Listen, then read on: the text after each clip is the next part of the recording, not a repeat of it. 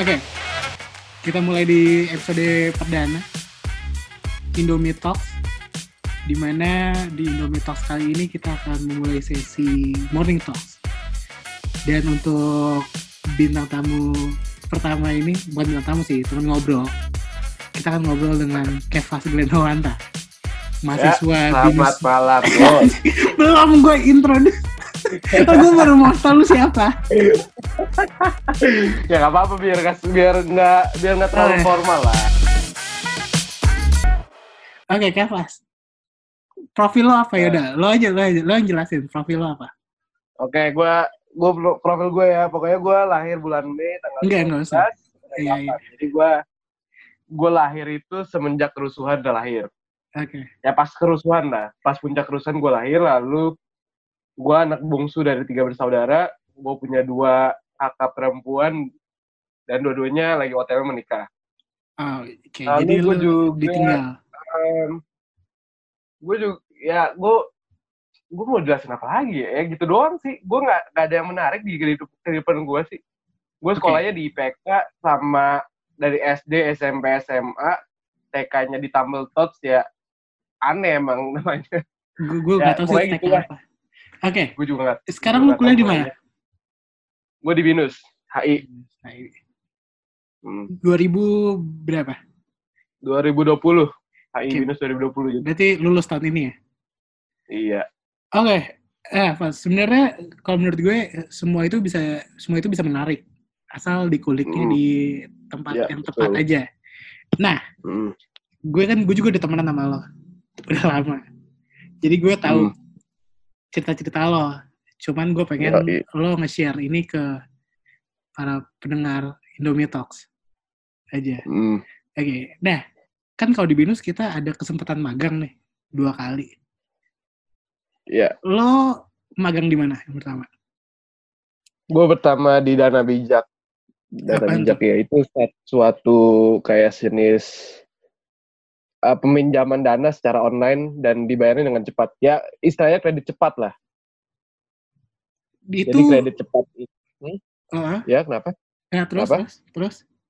Ya pokoknya kredit cepat itu jadi lending uh, kita tuh kayak jenis orang mau beli sesuatu tapi dengan cepat terus belum gajian. Belum gajian nanti dikasih duit, dipinjemin lalu minggu kemudian itu harus dibayar dengan cepat gitu-gitu, harus tepat waktu. Oke, dan jadi bunganya itu cukup tinggi. Nah, jadi lebih terus, spesifik ke duit, bukan ke barang. Kan ada beberapa juga yang ah, duit, duit, memang duit, duit. dikhususkan Itu untuk duit. cicilan barang. Enggak, enggak, itu full duit. Mungkin sekarang itu ada cicilan barang, gua nggak tahu sih. Tapi ini full duit setahu gua dari dulu. Oke. Nah, itu untuk mahasiswa atau untuk maksudnya itu tersegmentasi Oh, ke beberapa Target, mar- market target targetnya ya. Market targetnya itu sebenarnya itu awalnya itu untuk menengah ke bawah. Karena se- selama ini kan gue kan juga beberapa kali memegang Facebooknya ya, media sosialnya segala. Dan gue lihat yang beberapa komentar itu rata-rata bukan anak-anak itu sih, bukan anak-anak mahasiswa sih. Rata-rata itu yang udah punya pekerjaan dan pekerjaan itu menengah bawah di Facebook. Jadi kan gue juga beberapa kali, walaupun bukan gue ya yang bales chatnya, tapi gue sempet baca chatnya dan message-nya segala. Eh, itu tuh dia bilang sendiri kayak dia mau minjem gini-gini gini gitu-gitu dita- ada customer service-nya segala-segala ini gimana cara pinjemnya dan rata-rata itu gue bahkan gue nggak pernah ketemu mahasiswa mungkin mungkin sebenarnya ada cuman gue cuman gue nggak tahu dikit atau banyak kayaknya sedikit ya karena selama ini gue nggak pernah lihat Oke, nah sebenarnya lu di sana itu jadi apa sih? Maksudnya kan kita anak kan lu anak HI nih, Hmm, yang di mana ya lu pelajaran lu tentang internasional. Ya Kemudian lo melakukan kegiatan magang di perusahaan ya lokal bisa Ah, dibilang. Karena iya. kan nggak nggak berhubungan sama dunia internasional. ya ya gue ngerti gue ngerti. Eh, Apa di sana lo bagiannya apa? gue content writer sama copywriter sih. Jadi gue lebih gue spesifiknya itu digit um, kreatif kreatif kreatif writer. Ya kreatif writer. Kreatif writer. Lalu gue juga lu pasti mau nanya kan kayak apa sih hubungannya HI sama dana bijak gitu kan Iya, maksudnya Iya ke- berguna nggak sih ilmu HI yang lu dapet di kampus? menurut gue sih cukup berguna ya kenapa soalnya lu lu mikir gak sih kayak lu belajar nulis gitu loh. Lu di HI itu belajar nulis loh. Cara menggunakan kata-kata yang formal, lalu kata-kata yang baik itu gimana, mempresentasikan laporannya di gimana, segala-segala. Lalu juga, lu juga menganalisa itu dipakai banget. Karena analisa itu penting banget gitu loh. Kalau di kalau di dana bijak ya. Apalagi Hmm. gue juga sempet dua bulan terakhir itu memegang data-data media sosialnya dana bijak. Jadi gue bisa lihat kayak ini engagementnya berapa sih segala-segala. Itu kan gue analisa. Nggak mungkin gue cuman ambil, abis itu gue copy, paste, abis itu kasih tahu ini datanya, udah gitu doang. Nggak, nggak mungkin. Gue gue tuh pasti analisa. Di HI itu dijelasin lo analisanya gimana gitu-gitu. Lalu yang kedua itu yang nulis juga. Nulis itu sangat penting menurut gue. Kenapa? Lu kan apa ya namanya ya? Lu A, EYD, ejaan EYD itu kan sangat-sangat dipakai gitu loh kalau Iya. di kalau di dana bijak ya. Karena lu menulis HI itu kan juga nggak sih. sembarangan. Di, Iya, kan di nulis HI juga esai kan. juga pakai EYD kan Ah. sebenarnya. Iya, lu nggak mungkin sembarangan nulis kan. Maksudnya lu misalnya nulis kayak jenis huruf besar nggak di depannya nggak ada huruf besar lah. Terus lu nggak tahu nama orang itu harus huruf besar atau huruf kecil sih. Itu kan sebenarnya dipakai di HI. Lu nggak mungkin nulisnya sembarangan gitu loh. Lu kalau nulis sembarangan itu pasti dosen juga lihat nih anak gimana gitu kan. Maksudnya masa nggak pernah diajarin begini begini begini. EYD itu juga penting banget kalau di kalau gue nulis di dana bijak gitu loh. Lalu Oke. yang ketiga itu gue juga kan atasan gue itu paling atas ya orang Estonia sama lagi orang Latvia. Jadi gue apa-apa ya harus ngobrol pakai bahasa Inggris dong. Nggak mungkin gue belajar ngomong bahasa Indonesia sama mereka gitu kan. Oh, Dan jadi, jadi ya- ini bos lu orang luar, bukan orang Indo. Ya orang luar. Dua-duanya orang luar dia. Dua-dua oh, orang paling tingginya orang luar. Oke. Jadi Terus itu orang Estonia satu, orang Latvia satu.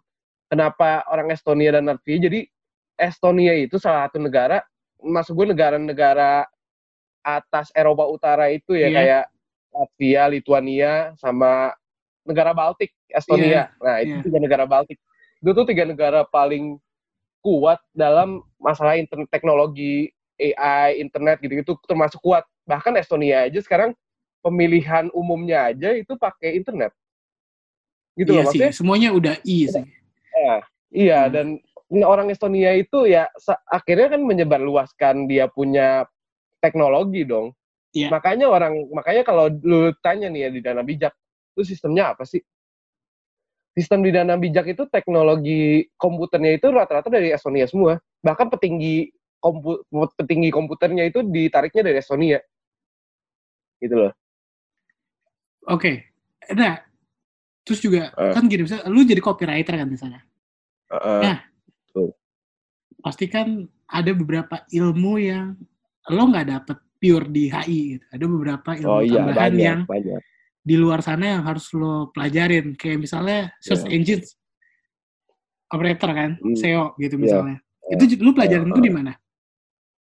Wah, gue belajarinnya itu di, jadi gue awalnya itu ikut seminar di Google, Google Bisnis, eh Google apa gitu, gue lupa Google.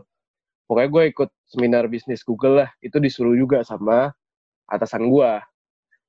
Akhirnya gue, pokoknya tiap hari Sabtu sama Minggu gue 8 jam, 8 jam gue eh gue di selatan pasti.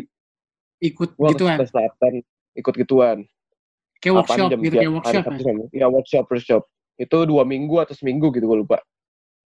Dan ya itu sangat cukup itu sih cukup menarik sih. Soalnya kan itu kan belajar SEO, copywriting, segala-segala. Terus gue juga baru tahu Google Business kegunaannya buat apa segala-segala.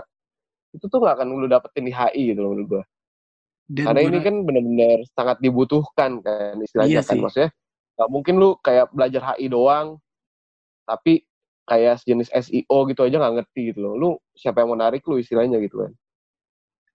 dan lo mengkombinasikan pengetahuan analisis menulis lo di HI dengan ilmu SEO itu dan lo aplikasikan di Iya, magang iya. lo. gue sangat gue sangat pakai sih So- soalnya kan apa ya lu jadi anak HI itu kan istilahnya istilah kasarnya ya lu tiap hari harus baca koran Iya, baca berita. ya sih lu ya, baca berita lu lu kalau nggak tahu baca berita habis itu ditanya "E, kamu tahu ini gak ini ini nih lu nggak tahu apa apa kayak kayak orang bego aja gitu melongo Iya kan sih, mungkin gitu dong. nggak tahu. Nah, kalau SEO itu lu ya lu berarti harus cari kata-kata yang umum. Kata-kata yang umum, topik-topik yang umum. Jadi sama aja lu harus up to date juga gitu loh. Iya sih. misalnya, misalnya lu top, lu nggak tahu topik tentang corona. Corona kan lagi hype banget gitu kan. Tapi lu nggak tahu tentang corona, lu mau search apa di Google Engine, di SEO? Lu kalau nggak tahu di search engine-nya lu nggak tahu apa yang lu mau search, terus lu nggak tahu kata-kata umum apa sih yang lagi terkenal, ya mati lu. Nggak bisa. Berarti itu berpengaruh banget. Berarti sama dong sebenarnya kayak yang kita lihat di lu kan pakai sosial media juga. Hmm, Em, yang di mana lo juga sempat juga dong di dalam bijak ngurusin sosial media. Iya. Iya, bikin caption, bikin ya bikin artikel udah pasti, bikin Em, caption ah, atau bikin eh, dibalas-balasin komen lah gitu. Itu juga sebenarnya perlu- ya. Perlu kemampuan nggak untuk bikin caption, untuk balas-balasin komen, itu juga untuk apalagi bikin artikel, bikin judul yang menarik. Wah, Itu sebenarnya juga nggak bisa sembarangan kan? Iya betul, betul banget. Gue waktu itu waktu bikin caption, bikin caption aja ya. Gue dua bulan terakhir gue jadi copywriter. Itu aja gue masih bego. Kenapa? Atasan gue aja masih marah-marah itu. Atasan gue kan dia kan anak sastra Indonesia UNJ. Waduh. Nah Wah, dia anak sastra in... Iya lu tau lah anak sastra Indonesia UNJ gitu kan. iya. Udah berarti istilahnya dia cukup perfeksionis lah dalam bahasa bahasa. Dia dibanding anak-anak lainnya. Termasuk anak HI. Ah, termasuk anak HI. Nah, jadi ya ya gitu loh kalau captionnya nggak men- kayak ada caption yang menurut dia menarik, menurut gua nggak menarik. Ya dia dia punya yang diambil. Ada caption yang menurut gua menarik, menurut dia nggak menarik, alasannya kepanjangan, kurang mengajak gitu itu. Ya nggak bisa. Ya dan itu berkali-kali cuy. Gila lu, lu kayak gua aja sampai stres apalagi waktu itu kan gua di ditinggalin gebetan gua, Bos. Wah, Mantap. Wah gila itu. Yang lo, lo jalan pakai bakso ya? Ya itulah, eh tai kuda lah itulah. Lu gak usah ikut-ikut lagi lah. Terus Pokoknya itulah istilahnya. Dan ya itu cukup bikin stres cuy. Gila lu, lu udah ditinggalin gebetan lu, lu kayak gini juga bos. Kayak ditolak-tolakin mulu kan ribet kan. Ber- berarti memang pemilihan tapi berarti memang pemilihan diksi, pemilihan penempatan kalimat Ah itu dan lain-lain banget. itu pengaruh banget sama engage engage sosial Pengaruh media banget, dan lain-lain. Pengaruh banget, pengaruh banget. Lu nggak bisa nggak bisa hidup pakai itu gitu loh. Istilahnya kayak gitu ya. Oke. Nggak bisa hidup lu tanpa gituan. Hmm. Nah, lo kan udah lo kan nulis artikel juga di sana. Apalagi sekarang lu juga di Shopee juga kan? Eh, nggak, kalau di Shopee gue nggak nulis artikel. Nggak Gue lebih ambil apa? iklan. Ambil Wah. iklan toko orang. Jadi toko orang kan, jadi kan sering kan tuh ada postingan-postingan segala. Ah, Postingan segala gitu gue ambil. Gue ambil postingannya, habis itu gue tampilin di feed. oke. Bukan push notification kan? Bukan. Bukan ngurusin gitu bukan. kan? Bukan, bukan. Oke, nih, nih Vas. Gue mau nanya pendapat Hmm. lo. Lo kan juga, lo kan lo udah, udah pernah, walaupun sebentar, punya pengalaman di copywriter dan di SEO. Berarti Ya. menurut lo gimana dengan sekarang yang ada di Twitter ataupun di mana pun sih, di Google dan lain-lain, beberapa kanal berita mengedepankan, ya lo tau lah, judul-judul yang Mhm. sangat-sangat clickbait, ya ataupun gambar yang sangat Ah. clickbait. Padahal Ah. isinya nggak menampilkan hal seperti itu. Iya, iya. Betul, betul, betul. Menurut lo, kena, apakah itu tuntutan dari editor dan Hmm. lain-lain untuk engagement-nya besar? Atau yang Ya. terpenting adalah isinya, agar masyarakat yang baca mendapatkan ilmu pengetahuan yang tambahan gitu. Gini, gini, gini. Jadi, jadi pokoknya intinya ya, yang namanya, lo harus tahu, judul yang bahkan ngebego-begoin masyarakat pun, kalau itu bisa memantik yang namanya klik ke link tersebut, bakal dipakai. Misalkan, misalkan, dia kayak masalah Kim Jong Un, Kim Jong Un dikabarkan tewas, Iya, itu lebih menarik daripada Kim Jong Un menghilang. iya sih. Nah, lu Kim Jong ya Kim Jong Un menghilang juga geger. Tapi Kim Jong Un dikabarkan tewas, Lebih geger geger, iya. itu lebih geger yang udah Kim Jong ah Kim Jong Un meninggal dunia. Diklik lah, dikabarkan meninggal dunia. padahal itu baru gosip Iya. itu itu kan ya gitu loh terus apalagi kayak sejenis gue tuh baca berita lagi kayak nih nih nih yang baru-baru ini sekarang bukannya beri, judul berita yang apa ya namanya ya bukan judul berita yang clickbait tapi yang baru-baru ini judul berita yang nyeleneh. Ngerti gak maksudnya? Nyeleneh sama clickbait beda. beda beda. Jadi misalnya ya misalnya nih. Em kayak eh, Angel Elga atau siapa gitu ya. Gue lupa artis siapa. Nggak bisa nggak bisa kupas jeruk. Itu Nia Ramadhani. Ah, sih, Ah, iya, yang, itulah. yang ngupas salak. iya. Nggak bisa Ah. kupas salak jadi headline berita. Itu penting nggak sih? Tapi orang klik. Orang klik orang komentar orang like Tapi itu kadang, akhirnya iya itu maksud gue itu pentingnya apa sih sekarang gue tanya lu kupas salak kayak masa lalu gitu loh iya gak sih oke. Tapi kadang Bukan memang ada beberapa yang itu kan udah ada kanal ya. Maksudnya kayak ada beberapa kanal berita yang memang khusus buat ngurusin gosip. Ada buat yang Iya. ngurusin itu. Berarti yang salah, Heeh. sebenarnya salah siapa sih? Yang salah itu si kanalnya atau si pembacanya. Karena memang itu menarik banyak pembaca. menurut gue sih ya menurut gue ya itu ya masalah di pembaca sih kalau pembacanya ya maaf maaf aja gitu ya ada Hmm. bego gitu ya gimana gitu kan istilahnya kan maksudnya kalau gua kalau gua gua gua kan sering baca Twitter kan kayak Hmm. yang baru-baru ini tuh di Twitter itu ada yang kayak sejenis bikin YouTube nam- oh namanya Ferdian Paleka. Oke. Ferdian Gua nggak Paleka tahu itu dia bikin konten YouTube tentang dia ngeprank nge, lu bayangin masih Ramadan gini ya?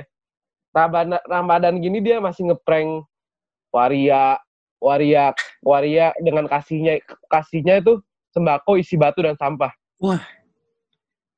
Terus, lu lu lu kayak gini kan tapi lu harus ingat juga lu dengan kasih tahu berita ini lu secara nggak langsung kasih dia duit gitu loh iya sih. Nah, lu lu lu kalau gue jadi dia ya, nggak akan gue kasih, nggak akan gue gue gue bahkan nggak akan search yang namanya Ferdian Paleka itu. Buat apa? Dia tuh emang sengaja ngegait lu pada buat nonton dia. Unlike unlikein segala segala segala. Begitu udah di unlike udah puas tuh netizen, udah dia terkenal. Gitu terus, itu itu perput itu siklus aja. Jadi makanya lu kalau bisa nih ya, kayak ketemu suatu konten yang menurut lu itu nggak guna, abis itu ngeselin. Mendingan nggak usah ditonton mendingan nggak usah diklik. Iya gak sih? Bener. nah maksud gue gitu loh. Ma- ya makanya, itu makanya kenapa em, mereka sebenarnya nggak peduli sih sama keanehan kontennya. Mereka cuma peduli engagement kan sebenarnya. iya Gak apa-apa engagement unlike-nya banyak, tapi yang nonton banyak. Makanya beda kalau Iya. orang itu ngeprank. Kalau orang itu bikin video ngasih sembako lengkap. Sama nge- ngeprank ngasih sembako isinya batu. Pasti ya view-nya lebih banyak yang ngasih batu. Iya iya makanya itu gitu loh mendingan mendingan gitu ya kayak lu em, apa sih namanya harusnya wajibnya itu kita kasih tahu kayak youtuber ini memberi makan ini ini ini ini, ini memberi sembako ini ini ini ini, ini. itu ya ya itu yang harusnya disebarin secara moral Tapi nggak dapat engagement. ah dapat engagement dapat cuman nggak akan sebanyak ketika lu Iya. kasih sembako batu gitu loh istilahnya gitu loh Oke, terus how you see yourself as writer? Lo lebih lo selama itu jadi copywriter memilih menjadi writer yang mana? gue jujur aja sih gue realistis aja gitu ya realistis aja gue mendingan jualan clickbait daripada ya bikin yang wawasan sekarang gue tanya dah masyarakat Indonesia berapa orang sih yang mau mau mau baca tentang analisa saya terhadap pasar bebas yang dibentuk oleh Trump berapa orang yang mau lihat berapa orang yang mau baca sekarang gue tanya orang pintar aja belum tentu mau baca Orang lebih Gitu ya? orang lebih memilih orang lebih memilih membaca dan ya itu ya yang ringan-ringan. gitu. Ah, orang orang orang apalagi orang Indonesia ya orang Indonesia tuh lebih suka yang simple-simple gitu dia nggak mau mikir panjang jadi misalnya nih ya kayak gue kayak gue kalau gue misalnya nih bikin judul gitu ya Ah. Trump Trump uh, membentuk pasar bebas baru atau enggak Trump membentuk um, Trump keluar dari TPP. Not- treaty itulah pokoknya Ah. North American Treaty itu nggak akan engagementnya nggak akan lebih daripada ya yang masalah yang masalah kayak Nia Ramadhani nggak bisa kupas kulit kulit kulit gak tahu kulit apa lah itulah gue nggak tahu gue lupa aja. Kulit ya ku- kulit. kulit babi kali gue nggak ngerti dah Oke. Iya.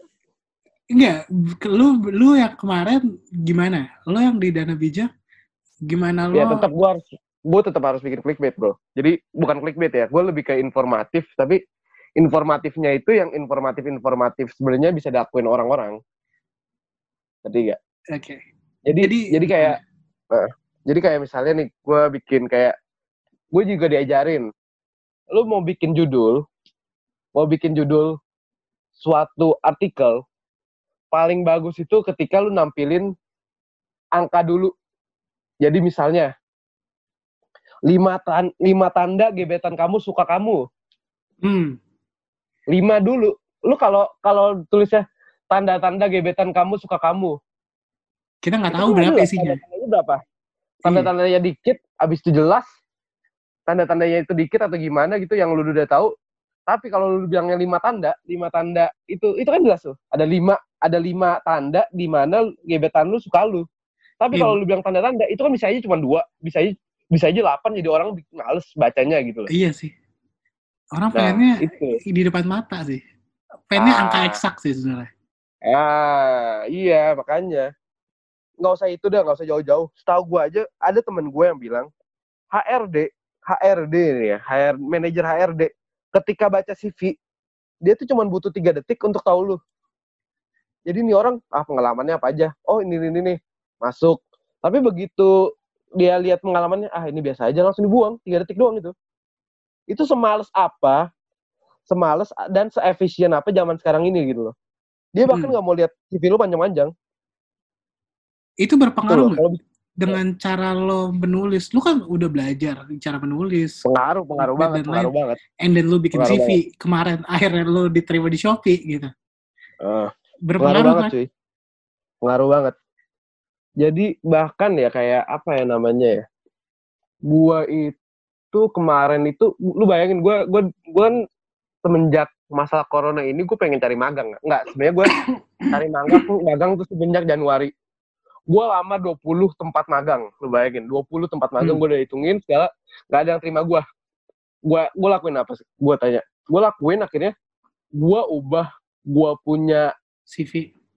seba di CV judul CV dari sebagai analisa pengan, em, ahli analisa HI jadi konten ko, eh, kon, creative content writer. Langsung diterima di Shopee Makanya. ditelepon waktu itu atasan gua jadi itu seben- itu sepenting itu judul. Judul Iya. itu sepenting itu loh. Dan gue dan gue lihat sendiri. Gue gua kan jadi kan lihat kayak apa ya kayak wawancara HRD di Twitter. Hmm. HRD tuh rata-rata lihat judulnya langsung. Habis tuh kayak gue nggak ngerti lah kayak di scan gitu atau apa gitu di scan dia lihat dulu tek. Habis itu langsung ditaruh kertasnya di mana gitu gitu dan gue waktu sebagai gue tulisnya sebagai ahli ahli HI nggak ada yang mau terima gue Karena mereka nggak butuh kali ya. iya karena mereka nggak butuh kayak istilahnya mereka nggak butuh ahli HI gitu loh kan gue lamarnya marketing gitu kan itu sepenting itu gitu loh judul itu loh Nah. nah makanya itu lah kenapa Em, ibarat kata, ibarat kata nih, ibarat kata. Mm-mm. Lo lo kemarin nggak ganti nih. ya Ibarat kan ya tetap aja lo lulusan HI kan. Nanti, Hmm. nanti kan lo lulusan HI. Mm-mm. Apakah ini, in, lu berarti lu udah melihat market. Oh, berarti lebih banyak yang cari yang content creator gitu ibarat kata. Mm, ya Dibanding peneliti HI. Padahal lo lulusan HI. Mm. lo melihat masa depan lo seperti apa? Apakah lo akan stay di HI? Ibarat kata lo mencari Um, pekerjaan-pekerjaan yang pertama itu sesuai di HI atau lo ya udahlah yang penting gue dapat aja meskipun gue Pertam- sedikit Hmm. keluar jalur gitu. Mm. Pertama itu gue ya em, biarkan Tuhan yang mengarahkan gue gitu lah. Iya. Istilahnya kan. Gue nggak tahu soalnya jujur aja masa depan gue tuh abu-abu. Gue tuh pengennya kaya, tapi semua orang juga pengen kaya. gitu loh istilahnya. Kita nggak Iya. tahu, kita tuh nggak tahu masa depan kita ke mana gitu loh. Tapi yang pasti gue udah sengganya gue gue tuh udah tahu kira-kira gue mau dibawa ke mana sih. Makanya gue Hmm. sekarang tuh belajar yang namanya Adobe Illustrator, Adobe Photoshop karena gue yakin akhirnya nanti tuh hidup gue kemungkinan besar Jadi gue freelancer. bakal kerja di marketing. nggak nggak nggak freelancer juga anjir. Gue tuh kemungkinan besar bakal kerja di bagian marketing. Hmm. Bagian analisa juga ada kemungkinan tapi kecil kemungkinannya. Nah itu marketing gue kemungkinan besar bakal kerja di di bagian marketing hampir pasti. Makanya gue sekarang kan belajarnya tipografi, Adobe Illustrator, gue belajar gambar, gue belajar edit Photoshop segala segala. Iya sih. Sebenarnya Nah itu. Hmm. Iya, lu, lu, lu nyadar gak sih? Kayak Hmm? sebenarnya lebih banyak hal yang dieksplor sama kita di luar perkuliahan. Betul banget. Gua gua sangat menyayangkan ya waktu apa ya? Gua kan sering baca-baca komentar netizen di Twitter kan. Hmm. Netizen di Twitter tuh banyak loh. Banyak banget yang kayak mengecam. Ini buat apa sih magang gini gini gini gini? Buat apa sih Iya. magang gini gini? Kan si siapa ya? Si si Apa ini Menteri- Nadim? Nadim. Menteri Nadim bilang kan, Menteri Nadim atau siapa gitu gue lupa, bilang dia tuh pengen kita tuh anak kuliah harus magang 6 bulan atau 12 bulan. Gue lupa berapa bulan lah, pokoknya minimal berapa bulan gitu gue lupa. Ah, Banyak netizen yang men- mengecam gitu loh. Padahal menurut gue ya sangat penting itu yang namanya magang. Magang itu penting banget. Lu nggak nggak akan dapat pengalaman kerja yang lebih baik daripada magang di saat lu ma- jadi mahasiswa. bener Makanya gue kayak mikir, lu netizen, lu sebagai mahasiswa nggak nggak mau diajak maju, lu nggak mau diajak ke dunia di mana lu bakal kerja gitu. Gue di dana bijak itu sangat lebih istilahnya ya, gue lebih dapet apa yang di dana bijak dalam waktu enam bulan dibandingkan tiga dibandingkan tiga semester gue di kuliah. Gue tahu orang itu sebrengsek apa sih. Gue tahu kerjaan itu sebrengsek apa, bukan teori doang gitu itu semuanya praktek gitu loh lu kalau lu kalau istilahnya ya lu istilah kasarnya ya lu kalau mau kalau lu bergelut di dunia perkuliahan terus kapan lu maju Kap- dan kalau lu nggak maju-maju kapan lu kaya lu bakal seumur hidup bakal marah-marah doang sama pemerintah udah gitu doang Makanya sebenarnya jujur di masa pandemi kayak gini sebenarnya momen yang tepat sih buat Eh, eksplor tep- diri lo untuk apa apa Betul lagi sih banget, yang bisa betul apa banget. lagi sih yang bisa gue pelajarin gitu. Betul banget, betul banget. Gue gue setuju banget. Kenapa? Eh, jujur aja banyak banyak banyak teman gue yang karena dia gabut di rumah, akhirnya apa? Netflix lah, nonton lah, inilah itulah nggak ngapa-ngapain lah. Padahal sebenarnya ya, menurut gue itu tuh lu lu harusnya tuh nge-explore sesuatu yang lu nggak tahu. Baca Hmm. buku kayak baca buku aja walaupun lu diem selama tiga jam, itu cukup membantu loh. Lu sekarang gua tanya lu kalau baca maksudnya nih lu lu lu dikasih tahu tentang pasar bebas Iya. di kuliahan lu. Itu nggak akan sedalam ketika lu belajar pasar bebas di buku. Iya benar Akhirnya sih. lu dapat pengetahuan sendiri. Gitu loh. Ben- Bener, bener, bener, bener banget. Iya, Ya, makanya bukan itu. bukan emang diskreditkan perkuliahan. Cuman kan Iya. kita nggak tahu apa yang di luar sana gitu maksudnya. Iya, Lu bisa dapat pendidikan lebih. pendidikan itu nggak dapat di kuliah. Pendidikan tuh nggak cuma dapat nggak cuma dapat di pendidikan eh, pendidikan itu nggak cuma dapat di institusi-institusi pendidikan kayak kuliah, sekolah, nggak gitu doang. Banyak, Tapi banyak anak, banget. anak, muda kayak kita, gue nggak tahu anak muda kayak kita. Maksudnya an- banyak anak muda yang ngerasa kalau oh ya udah, gue gue belajar cuman saat di kuliah. Di luar kuliah ya gue have fun, gue memanjakan diri gue dengan ngetrit ini ngetrit itu dengan ya itu makanya makanya gitu ya. Gue bukannya mau apa gitu kan. Itu makanya kita tuh kita tuh susah aja maju gitu. Karena mental itu mental mental males aja tuh masih ditanamkan sampai sekarang. Mental males mental males tuh yang harusnya dihapus itu ditanemin sampai sekarang gitu loh. Ya lu gimana? Sekarang gue tanya lu misalnya nih misalnya ya misalnya hal paling kecil financial planning. Misalnya lu kayak misalnya itu belajar cara penggunaan uang gini gini gini. Itu kan jarang lu lu bisa dapetin di SD SMP mungkin pelajaran ekonomi lu dapet. Tapi kan itu sebatas teori doang. Iya. Lu nggak tahu alasannya kenapa kenapa kenapa. Dan Tapi lu nggak tahu masa depan lu gimana gitu loh.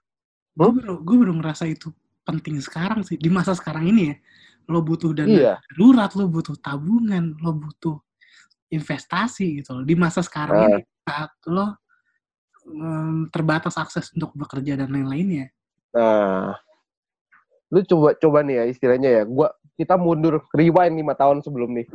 Mundur lima ta lima tahun sebelum rewind, pemerintah tiba-tiba bilang tiap warga negara Indonesia harus menyumbangkan 20% dari pendapatannya untuk eh, dana darurat. Jadi misalnya dia Wajib, digaji 20 juta, wajib. nggak wajib 20 juta, 4 jutanya itu dipakai buat dana darurat. Wajib.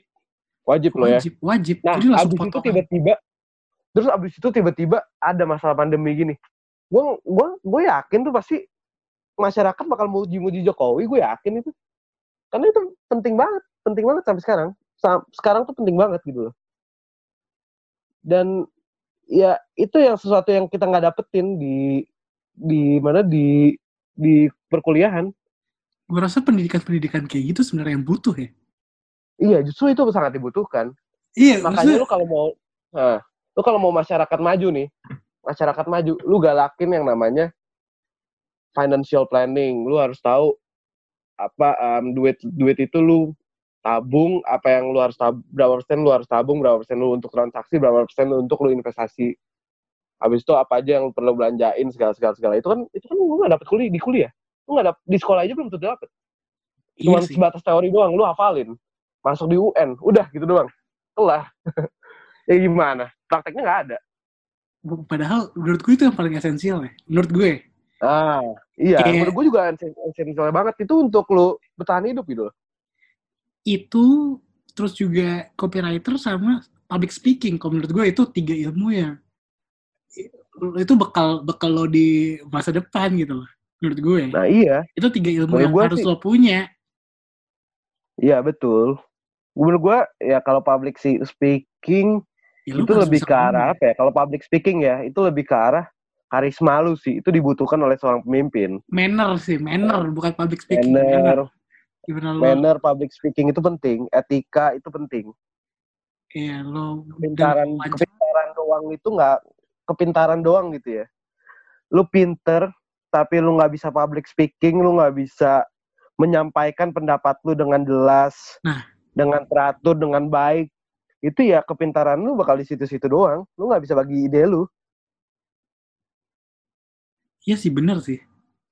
Iya, gue nggak tahu kenapa itu nggak masuk. Gue nggak tahu di luar negeri ada kayak gitu nggak sih maksudnya? Itu hal itu masuk pelajaran juga atau enggak? Maksud gue juga nggak tahu sih sebenarnya. Em, gimana ya cara jelasin ya kalau gua sendiri sih ya kan gua kan sebagai orang ya lu tau lah kita orang Chinese itu kita orang Chinese itu kita belajar yang namanya nabung duit itu penting habis itu menggunakan duit itu pentingnya apa aja gitu itu kita diajarin karena tuh kayak apa ya orang tua gue juga dulu miskin. Orang tua temen gue bahkan orang tua temen gue aja tuh nggak lulus SD Hmm. kerjaannya cuma jualan ayam. Sekarang sekarang penghasilannya udah gede-gedean. Udah kira-kira ya bahkan sehari sehari 100 juta aja ada gitu loh. Sehari 100 juta lu bayangin transaksinya. Tapi dulu nggak lulus SD nah sekarang gue tanya ketik dia nggak lulus SD tapi dia tajir itu kenapa itu padahal dia dia dia nggak punya pendidikan setinggi kita gitu loh Karena Gua karena dia, dia persistence. Nah, dia, sekarang gue tanya, dia kayak dia kayak apa ya? Dia dia udah umur 50-an gitu, umur 50. Anggapannya dia kayak tahu tentang Uni Soviet aja belum tentu gitu loh. Kenapa bisa pecah? Nggak, nggak akan setahu kita yang udah. Kenapa tembok Berlin runtuh? Nggak. Iya, tapi kita nggak, tapi kita belum tahu, belum tentu setajir dia. Gitu loh. Ngerti gak? Dia Iya ka- sih. karena dia udah tahu cara menggunakan uang yang baik dan benar sejak SD Nah itu sih, itu cara nabung. Nah, cara menggunakan uang yang baik dan yang benar. Itu pendidikan yang nah, lo semua harus dapat. Gue gue gue rasa gitu sebenarnya. Ibarat kata lu punya uang 5 juta. Uang lu Hmm. tinggal 5 juta di tabungan, uang tinggal 5 juta. Ada HP Ah. baru, harga 5 juta. Kalau ngikutin langsung naf- habis. kalau ngikutin nafsu, ya beli, hilangin tuh 5 juta, beli tuh HP. David harusnya Iya. disisihin, ya kan? Nah itu masalahnya. Dan dan dan apa ya namanya? Dan sedihnya ya banyak orang kayak gitu gitu loh. Banyak orang kayak anjir nih HP harga 7 juta. Gue punya duit 10 juta. Habislah 7 juta itu tiga, tinggal 3 juta. Tinggal 3 juta untuk sehari-hari. 2 juta sehari-hari. Tinggal Iya. sejuta. Padahal lu sebenarnya bisa nge-save 7 juta lu untuk lu puter dan resikoin misalnya ya, resikoin di investasi, bikin bisnis bisa. Itu kan sebenarnya bisa, gitu loh. Gak mungkin gak bisa, gue yakin. Lo sempat lihat nggak sih ada chart yang po- porsi berapa persen berapa persen? Pernah nggak lihat gitu? Pernah, pernah. Yang Dan ada gue berapa persen dana investasi, berapa persen dana Nah, gue darurat. pernah lihat, gue pernah lihat, pernah lihat. Jadi dia itu kalau nggak salah bilang ya, financial planner itu bilang kalau um, untuk transaksi itu 50%, investasi 30%, eh eh enggak, investasi 20%, eh enggak, eh, oh investasi 10%, dana darurat itu 20, 20 30%, lalu 10% dana lagi untuk berbagi. Dia bilang kayak gitu. Hmm, ya benar benar. Tapi kalau gua sendiri sih beda. Kalau menurut gue itu baiknya itu lu kalau bisa sebisa mungkin pendapatan lu habis itu dibagi 10. Ngerti gak maksudnya? Jadi, misalnya 10 porsi. pendapatan lu nih. Pendapatan lu nih 20 juta. Lu cuman boleh satu bulan itu keluar 2 juta. Sisa 20, sisa 18 jutanya itu lu taruh sebagai dana darurat ke tabungan ke atau sebagai Ini untuk yang namanya, single ya, untuk yang single ya. untuk, untuk yang single, untuk yang Untuk single. yang single, Kalau ya. puji Tuhan gue single. Ya, terus Puji Tuhan gue jomblo. bagus ya pokoknya intinya gitu. Bagus, bagus. Jadi nggak ada, jadi nggak ada, nggak ada yang lu prioritasin. Iya, bagus itu. Ya, nggak, kalau itu kalau bisa kan. Kalau nggak bisa, kalau nggak bisa, ya udah lu semaksimal lu. Misalnya dibagi lima ke, dibagi berapa ke. Tapi yang penting, kalau bisa, transaksi jangan lebih gede daripada investasi ataupun dana darurat. Karena kita nggak tahu. Susah, susah. Gue yakin susah. Gue yakin susah. Gue yakin susah. Karena Gue, kebutuhan kita kan beda-beda. ya, gue yang udah magang aja, ya, gue, gue sempat di fase di mana kerajingan magang. Jadi Hmm. pengen magang lagi, pengen terus pengen lagi, karena ya lu digaji, lo dapat duit, ibarat kata duit pertama lo di kerja yang kerjaan yang yang tetap, ya lu pasti pengen ngabis-ngabisin. Dan gue kalap tuh yang namanya baru gajian hari ini besok melarat, pernah ngalamin kayak gitu. Lo gimana? Wah, gue juga pernah. Gue juga pernah. Jadi waktu Gimana? itu kan gue apa ya? Gue baru lulus dari dana, eh, baru lulus lagi baru keluar dari bijak kan. Itu tuh Hmm. duit tuh emang gue sengaja tabung. Oke, jadi nggak. Awalnya dari, ah, gue pakai. Itu ada total total 6 juta. Habis itu gue nggak tahu ke mana tuh. 4 jutanya hilang. Gue kalau nggak salah tuh ya. Gue sejak ada dapat duit 6 juta itu, gue pergi minum, Iya. gue pergi ngapain, gue Hilang aja. Nggak jadi barang. Nggak jadi Oh, barang oh. kan? lah ini ke mana duit semua gitu kan? Nah itu salahnya. Nah sekarang makanya waktunya itu lu magang nih. Lu magang lu kerja lu belajar. Itu yang namanya financial planning. Itu sangat penting. Kuliah itu lu nggak akan ngajarin lu begituan. Itu kesadaran diri lu. Udah percaya sama gua. Itu penting banget. Dan apa ya namanya ya?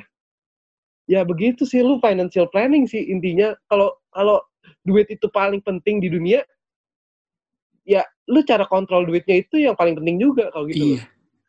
lu duit paling penting di dunia cara kontrolnya itu lebih penting lagi karena lu nggak tahu duit lu kapan habis kayak gue kemarin baca baca cerita di Twitter gitu ya. Ada orang bilang tetangganya, eh tem- temennya itu digaji 80 juta per bulan. Tahu-tahu pandemi datang. Dirumahkan dia. Cicilan KPR 3M sampai dapat rumah 3M cicilan KPR. Ya sekarang lu mau bayar gimana? Dulu dirumahkan, lu gak dapat duit lagi. Beli mobil nyicil.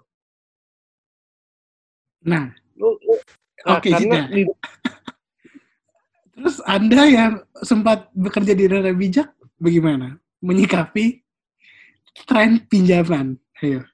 Itu kan Anda mengajarkan Ya, orang untuk aja. mengutang. jujur aja sih maksudnya ya gue jujur ya gue sempat merasa berdosa Oke. sempat merasa berdosa ketika digaji di dana bijak kenapa karena kan kita kan istilahnya kita nagih utang Hmm. kita untungnya dari utang sih tapi Tuhan telah memberikan yang namanya yang namanya otak gitu loh Oke, terus dan Tuhan juga memberikan kita free will ya. kebebasan lu lu mau ngapain aja lu mau ngerokok sambil boker kek lu mau tid abis makan tidur sampai 5 jam 6 jam juga terserah lu ya itu kehendak lu gitu loh Iya sih. dan lu meminjam duit itu kehendak lu kita nggak Iya. bisa ngebatasi cuman kita cuma kasih duit doang Lu cuma memberi opsi. nah lu nggak nggak bayar ke kita ya udah kita bangkrut ya udah itu cuman itu cuman jadi itu kok itu cuman jadi lintah darat kok istilahnya. Lu kalau lu kalau tertarik ya udah. Hmm, kalau enggak juga kalau enggak juga ya udah. iya. Ya, kita bahkan lebih baik loh daripada daripada yang lain loh maksudnya. Untuk sebatas eh, apa ya namanya peminjam uang ya peminjam uang secara online itu tuh cukup baik loh. Cukup baiknya apa? Nggak semua dana kita ambil nggak semua orang kita terima. Hmm. nggak semua orang kita terima em, pinjamannya jadi misalnya dia dia apply nih pinjaman kita belum tentu terima. Kenapa? Kita takut dia nggak bisa bayar. Itu pun masih banyak marah-marah loh. Kok jadi Marah-marahnya bumerang buat dirinya sih sebenarnya. kok gue nggak kok gue nggak bisa minjem sih? Kok gue nggak bisa minjem sih? Gini gini gini. Ntar lu pas minjem pas lu minjem lu nggak bisa bayar tepat waktu lu mau nyalain siapa? Iya. abis itu nanti di berita dibilang saya dijebak gini gini gini. Ya itu salah lu gitu loh